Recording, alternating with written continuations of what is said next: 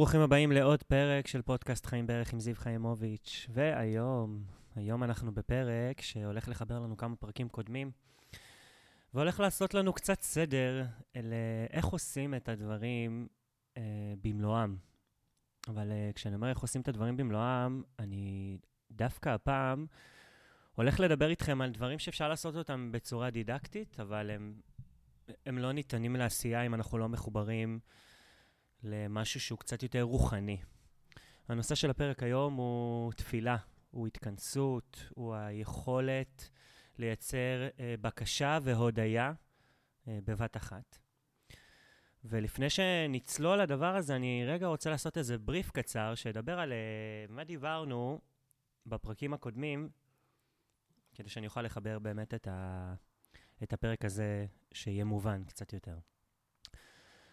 בפרקים הקודמים דיברנו על, uh, על אותנטיות מהי. דיברנו על כך שהיכולת לעמוד אל מול העולם בצורה שלמה ואמיתית ולהתקדם איתו ולנצח את המשחק הזה שקוראים לו חיים, מתחילה בזה שנהיה אותנטיים. זה כמו, ואני כל פעם חוזר על הדוגמה הזו, זה כמו שאנשים יגידו לי כל פעם שכיף להם לקום בשעות מוקדמות, חמש בבוקר, ארבע בבוקר, ווטאבר, שכיף, הם נהנים מזה, וכל מיני uh, שקרים מסוימים שאני בכוונה אומר שקרים כי, כי זה לא כיף. זה לא כיף, זה מאוד פשוט להגיד כמה זה לא כיף, זה באמת הכי מחובר על הדבר האותנטי שיש, זה נכון שזה מקדם אותי, ו... וכבר שמעתם את הדוגמה הזאת אלף פעם. ואני יכול לדבר על אלף דוגמאות, זה כמו שנבוא ונגיד שבהורות יש אין ספור דברים, אה, אה, לא אין ספור, נגיד שהכל טוב, לא, בהורות יש גם דברים קשים, וואלה. כשתינוק נולד, בחודשים הראשונים שלו, ואפילו בשנה, שנה, שנתיים, שלוש, הקושי הפיזי הוא, הוא משהו שהוא הוא פסיכי. אתה עייף בצורה שהיא לא נורמלית, אתה לא בא לך לקום באמצע הלילה, ו, ולפעמים כשאתה בלב הקריירה שלך, הדבר האחרון שבא לך פתאום זה, זה יצור קטן שתלוי בך 100% מהזמן, והוא לוקח לך את כל תשומת הלב, והוא גם פתאום נכנס גם במערכת היחסים שלך עם, ה, עם בת הזוג, וזה משהו שיכול אה, באמת לכלות ולהרוס, אבל הם הדבר הכי טוב שאנחנו יכולים לאחל לעצמנו בחיים. מי, מי אנחנו בלי הילדים שלנו? אז זו, זו אותנטיות. אחד הפרקים הנוספים שדיברנו עליהם אחרי זה, זה פרק החלומות. זה היכולת שלנו לחבר את האותנטיות שלנו, האמיתית, של מה שאנחנו רוצים להיות ומי שאנחנו רוצים להיות, ו- ובכלל לייצר לעצמנו את האופציה לפנטז ולחלום, uh, כי רק מתוך הדבר הזה יהיה אפשר להתקדם. אז על שני הדברים האלה דיברנו, ואז בא זיו, יעני אני, ואומר לכם, בואו נדבר על פרק, ה... פרק התפילה. לפני ש... שאני אגיד לכם איך, איך אני רואה תפילה, נעשה רגע איזה מעבר על מהי תפילה אה, בתפיסה שלנו הרווחת. תפילה, בתפיסה הרווחת היא איזה זמן, פרק זמן במהלך היום, בדרך כלל זה יומי. אה, קיימות דתות שזה לא יומי, יש, קיים, יש דתות גם שזה רב-יומי, זאת אומרת, בתוך, ה, בתוך היום עצמו, לא רק הרבה ימים, אלא בתוך היום עצמו יש איזה מספר פעמים, אם זה ביהדות, אם זה באסלאם. אה, שבהם אתה מתכנס, אתה רגע עוצר את כל מהווייך וכל העשייה היומיומית שלך, ומתיישב, אם זה דרך טקסט שנכתב, או אם זה דרך אלף דרכים אחרות, ואתה מתחבר רגע ל... ל... למי שזה יהיה. זה יכול להיות אללה, זה יכול להיות אלוהים, או למי שזה יהיה. כל אחד יבחר uh, בדתו ובתפילתו, למי הוא מתפלל, ויכול להיות גם לעצמו, ואנחנו נדבר על זה. אבל באמת אחד, ה, אחד הדברים שמאפיינים תפילה זה העצירה הזו. העצירה הזו שאנחנו עוצרים את הכל, את כל הוויית היומיום שלנו, את כל העשייה, ואנחנו לרגע מתחברים לעצמנו, או. תוך כדי עצמנו גם לישות הזו, אה, שאין לה לפעמים לא דמות ולא דמות הגוף, אז אנחנו ככה יכולים להתחבר לאיזה משהו רחב, ואנחנו מדברים על תפילה. עכשיו, אני יכול לבוא ולהגיד שאנחנו נדבר פה בפרק על אמונה, אז לא, הפרק הזה לא הולך להחזיר בתשובה אף אחד, זה לא, אף פעם לא, לא הייתי במקומות האלה, גם היום אני לא במקום הזה, אני לא הולך uh, לדבר על האמונות ומה זה אמונה אל מול ידיעה, זה לא הפרק הזה, אני מדבר רגע על תפילה מתוך מקום של התכנסות ודווקא חיבור עצמי. אני רוצה רגע לפרט לכם איך אני רואה את התפילה האישית שלי. זאת אומרת, יש לי, אני בתור ילד, ילד שגדל בציבור הדתי, גדלתי לתוך הוויה ברורה למהי תפילה. שלוש פעמים ביום, מתכנסים עם זה, בקהל מסוים של עשרה ומעלה אנשים, ודרך ספר, סידור, אנחנו קוראים טקסטים מסוימים, ואנחנו מדברים עם אלוהים, ומבקשים ממנו דברים, ומודים לו על דברים מסוימים. אם זה, אנחנו יכולים לבקש רפואה והצלחה, אנחנו גם uh, מודים על זה שקמנו בבוקר ועל ה, על, על כל הטוב שהוא נותן לנו, זה משהו שאני גדלתי לתוכו, דרך טקסטים שחלקם אני עד היום לא לחלוטין מבין, וחלקם אני הבנתי כבר מיום היוולדי, וזה דבר שאתה גדל לתוכו ביהדות, במיוחד שאתה בא מהציבור הדתי. ואז כשאתה מתבגר וגדל, מלמדים אותך גם שבתוך הדבר הזה יש כוונות. והכוונות האלה זה כבר דבר אישי, זה כבר משהו שהוא מגיע יותר מהקישקע הפנימי שלנו, ואנחנו מתחברים אליו בצורה אישית יותר, על איך אני מתכוון בתוך הטקסט שאני קורא, מה הכוונות האישיות שלי בתוך הטקסט הכללי שרווח לכולם. עכשיו, אני מעלה פה איזו שאלה, שאני בטוח שמי שגדל בציבור הדתי אה, וגדל לתוך, לתוך הדבר הזה, לתוך הקלחת הזו, יכול אה, להתחבר למה שאני אומר. והטקסט הזה שנכתב לא תמיד מדבר לכולם על מה, מה, מה צריך להגיד, או מה צריך להתכוון, או איך צריך לראות את הדברים האלה, וזה הרבה פעמים יכול גם ליצור, והרבה פעמים זה מייצר איזה נתק אצל חלק מהאנשים. ולכן אני רגע נמנע מהמקום הזה, כי שוב, כמו שאמרתי לפני מספר דקות, אני לא באתי להעביר ביקורת על אף דת או על איזה דרך מסוימת. כשאני מדבר על תפילה, אני מדבר הפעם להתחבר לאני הפנימי שלי, לאני הטבעי שלי, למקום האותנטי שלי בדבר הזה. וכשאני היום מתחבר לתפילה, אחד התפילות שלי, מעבר למקומות הטקסיים שיש ביהדות, אחד המקומות שלי זה לקחת את האנטנה הייחודית לי, זה יכול להיות הרבה דברים, זה יכול להיות בריצה, זה יכול להיות כשאני יושב uh, בבוקר uh, עם כוס הקפה, זה יכול להיות עם תפילין, כל אחד איך שהוא יבחר את זה. ואני מתחבר לאני הפנימי שלי, ואני רגע מקלף את כל הקליפות של היום-יום, את כל ההגנות, את כל המגננות, את כל השריונות, ואני לרגע מתחבר לתוך עצמי, ו- ובאמת מנסה להתחבר למקומות הכי רגישים, הכי כואבים, הכי לא מפותחים כלפי חוץ, בשביל לקבל. עכשיו, אני יכול לתת דרך אה, דידקטית לאיך לעשות את זה, ואני אפילו ב- לקראת סוף הפרק, אני כן אתן כמה כלים למי שמעולם לא עשה את זה. לאיך עושים את התפילה הזו, איך, איך רגע מתכנסים עם עצמנו בשביל שהדבר הזה יקרה. אבל לפני כן אני רוצה לדבר בכלל על ההוויה הזו, על למה בכלל זה נצרך. עכשיו תראו, אנחנו חיים חיים מאוד מאוד סזיפיים.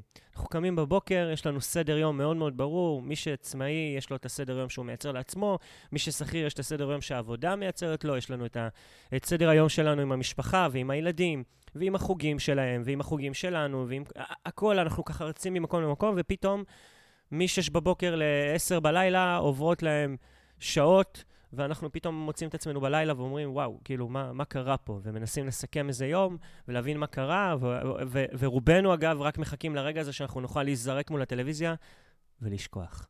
ו- ודווקא בלשכוח הזה, זה, זה משהו שמראה לנו כמה פעמים אנחנו בעיקר פועלים על אוטומט. וכל אדם שרוצה רגע להתפתח עם עצמו, לא יכול לפעול על אוטומט. אין לנו את הזכות הזו בכלל לפעול על אוטומט אם אנחנו רוצים להתפתח ולגדול, ולמצוא את עצמנו בגרסה האותנטית, האיכותית ביותר שלנו, בכל יום מחדש לצמוח עוד טיפה. כי ברגע שאנחנו פועלים על אוטומט, אנחנו מתגלגלים, פשוט גורמים לזה להתגלגל, ו- וזה הופך להיות קל מדי. ויש את המשפט הזה, תמיד הוא הצחיק אותי, שאם אתה, אם אתה, קל לך מדי, סימן שאתה בירידה ואתה לא בעלייה, ואם קשה לך, סימן שאתה בעלייה.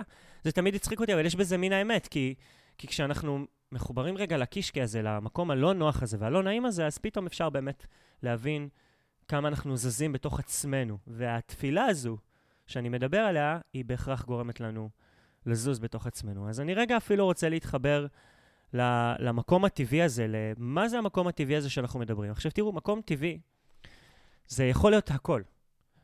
זה יכול להיות בריצה, מי שרץ, זה יכול להיות באוטו, כשאני נוסע, לכבות רגע את הרדיו, צריך איזה שקט מסוים בשביל זה, או איזה מוזיקה מסוימת שלא נותנת לך לברוח מעצמך. וזה יכול להיות בתפילה, מי שמתחבר לזה בבית הכנסת, או בכנסייה, או במסגד, או איפה שזה לא יהיה. זה יכול להיות בכל מקום. אבל השאלה היותר מתבקשת זה, בכל מקום, האם אתם מתחברים למי הייתם אל מול מי אתם רוצים להיות? האם אתם מצליחים לדון את עצמכם בקו זכות וגם בקו חובה? האם אנחנו מצליחים לעשות את זה ברגע הזה של ההתכנסות עצמה? ושם תידון אותה תפילה. כי אם אני רגע מחבר אתכם למקום היהודי הזה, ש, שקורה ביהדות עצמה בתפילה, אנחנו מאוד יודעים שם, לפי הטקסט הכתוב, אנחנו יודעים לדון את עצמנו, כי יש את התפילה שאנחנו מודים, ואז יש שלב בתפילה שקורה אחרי תפילת 18, למי שלא מכיר, אה, יש תפילת 18, שזה, נקרא לזה המיין ביזנס של התפילה עצמה. רגע אחרי זה יש מקטע וקטע שקוראים לו תחנון, ושם אתה אומר, אשמתי, בגדתי, גזלתי, אה, אהביתי, כל המילים הקשות האלה בשביל ליצור לעצמנו איזה חשבון נפש. אז אותו טקסט מייצר באמת את, ה, את הרוח הזו שמייצרת לעצמך את הדבר הזה. עכשיו, רוב האנשים לא תמיד מצליחים להתחבר לזה, הם עושים את זה שוב על אותו אוטומט, ואז התפילה מפספסת את המקום הפנימי הזה שהיא אמורה להביא לנו. ואם אנחנו כן מצליחים רגע לתפוס את המקום הזה, זה גם יכול להיות חסר גבולות. חסר גבולות.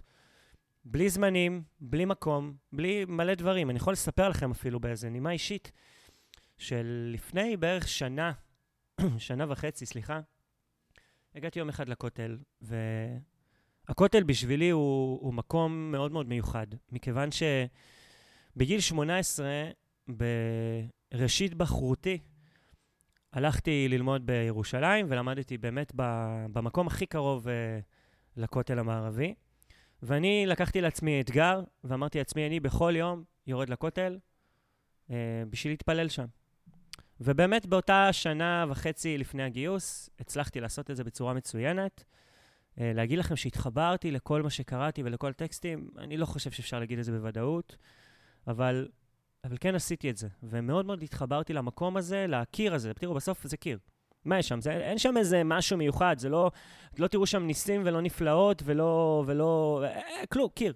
קיר עם אבנים גדולות, מאוד ישנות, ופתקים שאנשים דוחפים. אין שם באמת משהו שאתה מסתכל עליו ואתה אומר, וואו, זה, זה נזר. נזר הבריאה, סליחה, נזר הבריאה, פלא הפלאים, אין, אין, זה פשוט קיר.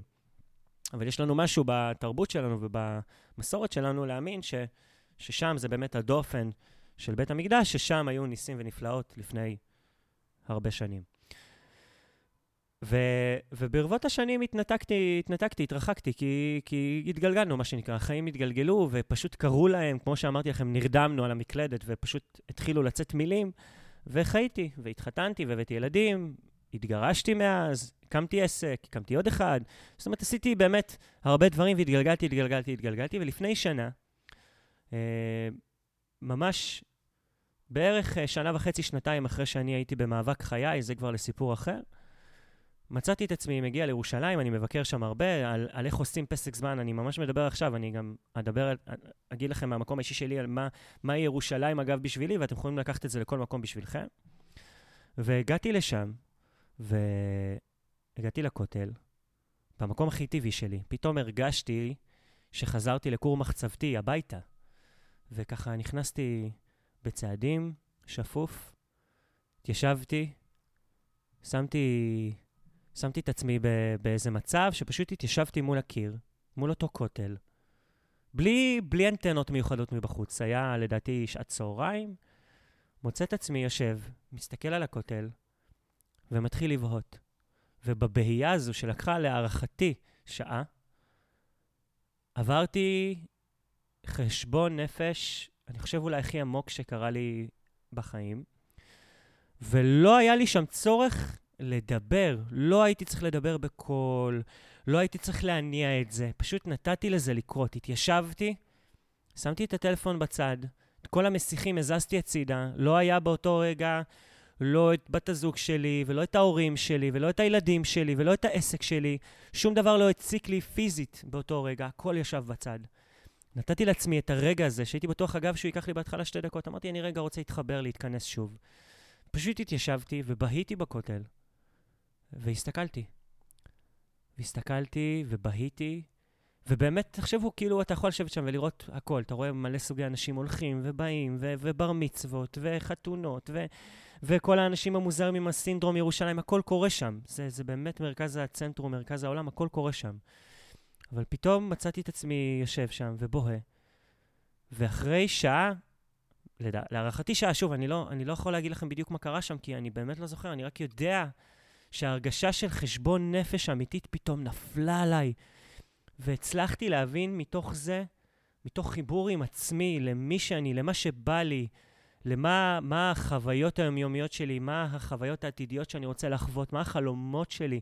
יכולתי לחלום אותם שם, פתאום הרגשתי שמכל 30 פלוס השנים שאני חי על האדמה, זו הפעם הראשונה שבאמת התפללתי. שם דיברתי עם עצמי, ודיברתי עם מי שאני מאמין שקיים ויש לו איזו ישות עולמית, וביקשתי והודיתי ובכיתי וצחקתי, והכל קרה בבהייה.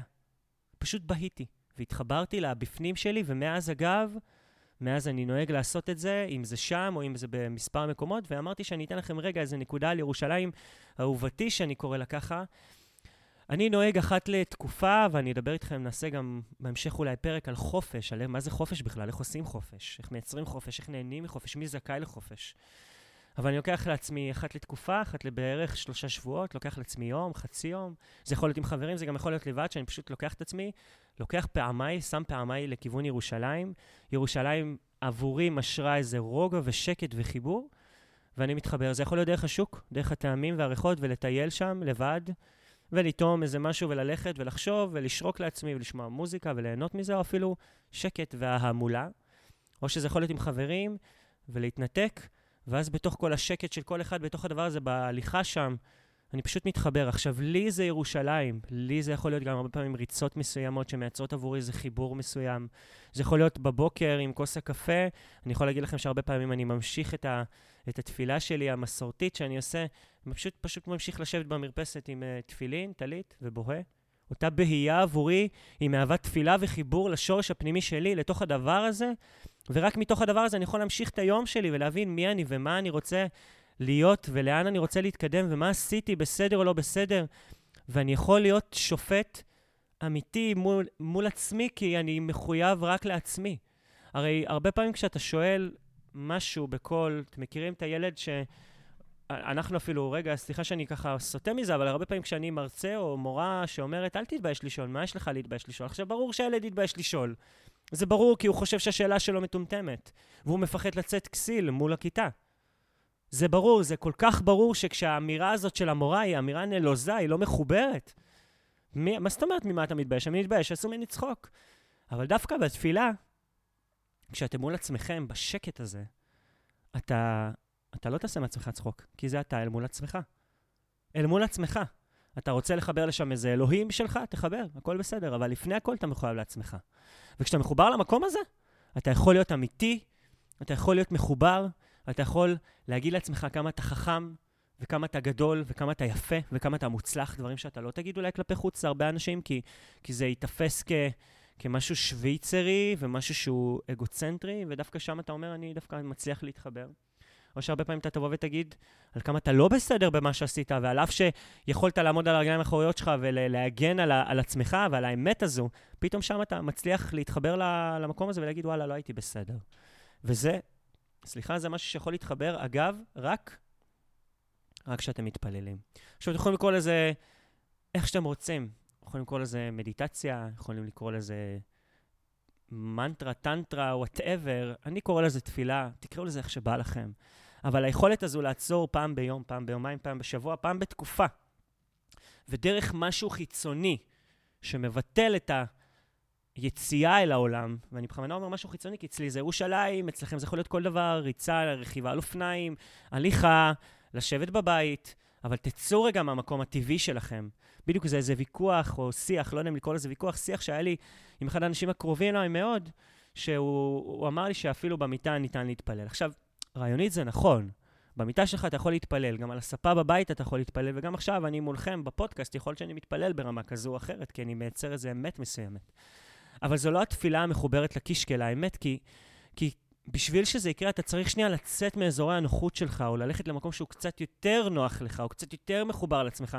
הרי תמיד אנחנו אומרים שבשביל להתקדם אנחנו צריכים לצאת מאזורי הנוחות שלנו, זה נכון, ואז להפוך את עצמנו לאזורים לא נוחים. אני אומר בשביל תפילה, אתה צריך ללכת דווקא לאזורים הכי נוחים שלך, לאזורים שהכי עושים לך נעים ונוח ומרפק ומחבק, כדי שאתה תוכל רגע מתוך הרוגע הזה ומתוך השקט הזה להתחבר ל, ל, לתוכן הפנימי שלך, כדי שאתה תוכל להתקדם קדימה.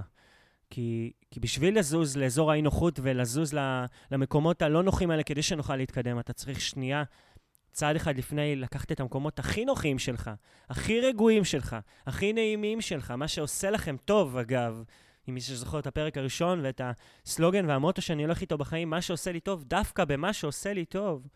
וברגע הזה שנעים לי, וטעים לי, וריח לי טוב, ונעים לי ובכל מישור, אז אני יכול להתחבר רגע לאמת שלי, כי כשאני יושב ונוח לי, ואני מצליח להיכנס לשלב הזה של התפילה, אז אני יכול באמת להתחבר. עכשיו, מי שמעולם לא חווה את המקום הזה, אני רגע רוצה לתת איזה משהו דידקטי, ש... שאני מודה שקצת, כאילו, קצת התקשיתי, ואני אולי קצת זז איתו בכיסא, כי תפילה היא משהו שהוא נורא פנימי ונורא אישי, ולכל אחד יש את הדרך שלו. אבל למי שמעולם לא עשה את זה, אני, אני רוצה לתת רגע כלים אולי, ו, ואם לא הצלחתם אף פעם להתחבר לזה, אז תכתבו אותם ותיקחו לעצמכם אולי איזה ניסיון לעשות את זה. זה, זה מודל של איזה שישה שלבים לאיך עושים את זה נכון. Uh, בעיניי, זה פשוט איך שאני עושה את זה, ואיך שמתוך שיחות שהיו לי עם הרבה אנשים, ככה, איך, אה, פשוט הצלחתי ככה להכניס לזה כותרות. אבל אין, אין, אין פה דבר נכון, אני פשוט נותן איזה מודל מסוים שבעיניי יכול לעבוד. השלב הראשון במודל, בשביל להיכנס לצד המדיטטיבי המחובר הזה, זה בעיקר למצוא, כמו שאמרתי לכם, את המקום הטבעי לכם, את המקום שאתם מרגישים בו נוח, לא מקום שאתם צריכים להתחיל להתעסק בו בלא נוח לי ולא נעים לי, ומה אומרים לי, ומה מסתכלים עליי, ומה יגידו, לא. צריך להיות המקום הכי, הכי מחובר לה, לאמת שלכם, והכי מחובר לה, לעצמכם, ושנוח לכם בעיקר בו. אחרי שהתיישבתם על הכיסא הנוח הזה, לפני שאנחנו בתחיל, בכלל מתחילים לחשוב על מה אנחנו רוצים, תנסו לחשוב על מה עברתם עד כה. אם זה ביום האחרון, או בשבוע האחרון, או בשבועיים, חודש. זה התחיל ממה עשיתם פיזית ומעשית, ואז על מה חלמתם ועל מה חשבתם, ואיפה זה תופס אתכם בנישה הרגשית שלכם. הצעד השלישי יהיה בעיקר לעבור, אחרי שחשבתם על מה היה, וכבר נוח לכם, תנסו לחלום, כמו שדיברנו על פרק החלומות והפנטזיות, על מה בא לכם. מה בא לכם, וזה כבר השלב שהוא נורא מחובר למציאות, זה לא פרק החלומות שאני אומר לכם, תחלמו. בשלב התפילה אנחנו כבר מתחילים ממש לחבר את הצד המעשי של מה אנחנו רוצים להשיג, ולמי אנחנו רוצים ללכת, ואיפה, ואיך זה נראה, ואיך זה מרגיש, זה מתחיל לקבל קצת צד יותר מוחשי, פחות פנטזיה, וזה באמת השלב השלישי של המודל הזה. הפרק, השלב הרביעי יהיה לפרוט את מה שאנחנו רוצים. זאת אומרת, אם חלמנו בגדול, ו- וזה חלום מאוד גדול. אני רוצה להשיג משהו מאוד גדול, אנחנו צריכים להתחיל לפרוט את זה ממש לשלבים בתוך שלב התפילה, כי אתה ממש רוצה לחבר את עצמך לתהליך העתידי הזה.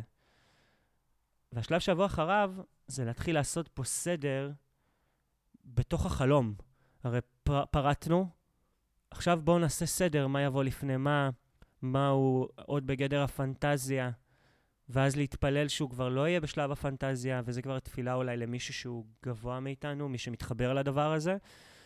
והשלב השישי והאחרון זה בעיקר להיות מלאי חמלה כלפיכם, כלפי עצמכם, כי אם יש משהו שאני רוצה רגע להגיד פה בקול, זה שאנחנו אלופים בלהיות חסרי חמלה כלפינו. כל פעם שאנחנו נופלים, כל פעם שאנחנו רוצים להשיג משהו, יש איזה שד קטן, והוא הרבה פעמים הרבה יותר גדול מהשד הטוב, שיבוא ויגיד לכם, לא, אתה, לא מגיע לי, אני לא מספיק טוב, זה לא עבורי, זה לא בשבילי, לא כדאי לי, מי אני שאני אשיג את זה?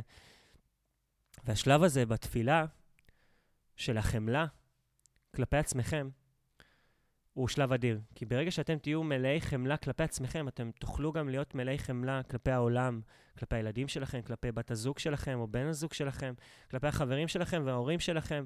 והחמלה הזו, ברגע שהיא מחוברת למקום אמיתי, שגם דורש מצד אחד מעצמכם להיות יותר טובים ויודע לשפוט ולהגיד במה הייתם בסדר או לא בסדר, פתאום החמלה הזו שהיא מתחברת, מייצרת לכם את המקום השלם הזה.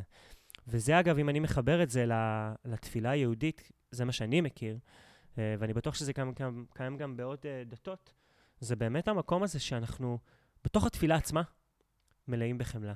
בתפילה עצמה אנחנו יכולים להגיד שאשמתי, בגדתי, עוויתי, פשעתי, ומצד שני אני מבקש עבור החולים שיהיה להם טוב, אני מבקש עבור האביונים והעניים, שיהיה להם מספיק כסף. זה מלא בחמלה.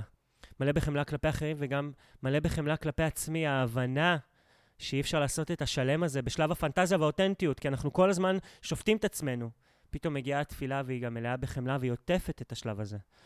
אז זה באמת שלב המודל של ששת השלבים הזה בשביל רגע להתפלל ולחלום.